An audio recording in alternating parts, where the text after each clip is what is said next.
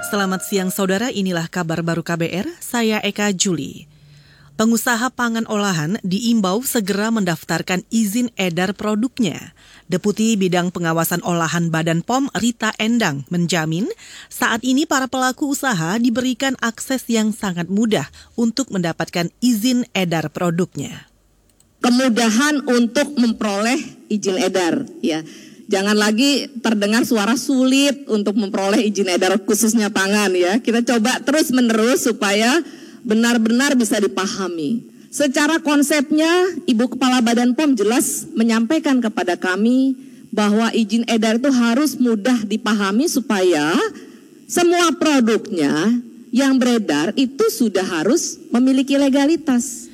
Deputi Bidang Pengawasan Olahan Badan POM Rita Endang juga mengingatkan setiap pangan olahan wajib memiliki nomor izin edar. Tujuannya demi menjamin kepastian keamanan, mutu, dan nilai gizi. Cara daftar izin edar produk di Badan POM bisa dilakukan secara daring melalui laman registrasipangan.pom.go.id. Kita ke soal lain. Forum Parlemen Dunia ke-144 yang berakhir kemarin di Bali menyepakati deklarasi Nusa Dua. Ketua DPR Puan Maharani menjelaskan deklarasi itu memuat usaha mobilisasi aksi parlemen dalam upaya pencegahan dan adaptasi iklim. Selain itu ada dua resolusi yang disepakati. Salah satunya terkait upaya mencari solusi damai atas konflik Rusia-Ukraina. Indonesia telah memainkan peranan penting dalam penyusunan resolusi ini, di mana kita tergabung dalam drafting committee. Indonesia sejak awal menekankan pentingnya peran sentral IPU dalam mencari solusi isu Ukraina secara berimbang dengan mengedepankan penghormatan terhadap hukum internasional, integritas dan kedaulatan wilayah, penghentian konflik, penggunaan dialog dan diplomasi, bantuan kemanusiaan, dan menjamin jalur aman bagi pengungsi yang meninggalkan Ukraina.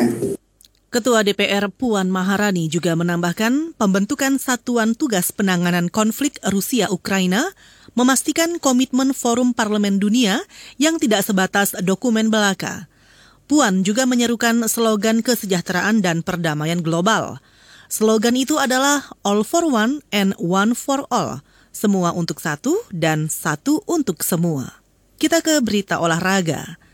Timnas Ekuador dan Uruguay sukses mengamankan dua tiket terakhir putaran final Piala Dunia 2022.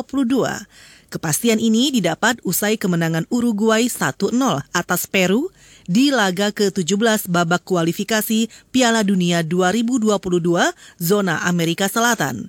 Dengan keberhasilan memastikan tiket ke putaran final Piala Dunia 2022, Ekuador dan Uruguay menyusul Brazil dan Argentina yang lebih dulu menggenggam tiket lolos langsung ke Qatar 2022 hingga babak kualifikasi Piala Dunia 2022 menuntaskan matchday ke-17. Brazil masih memimpin klasemen sementara dengan raihan 42 poin. Saudara demikian kabar baru, saya Eka Juli.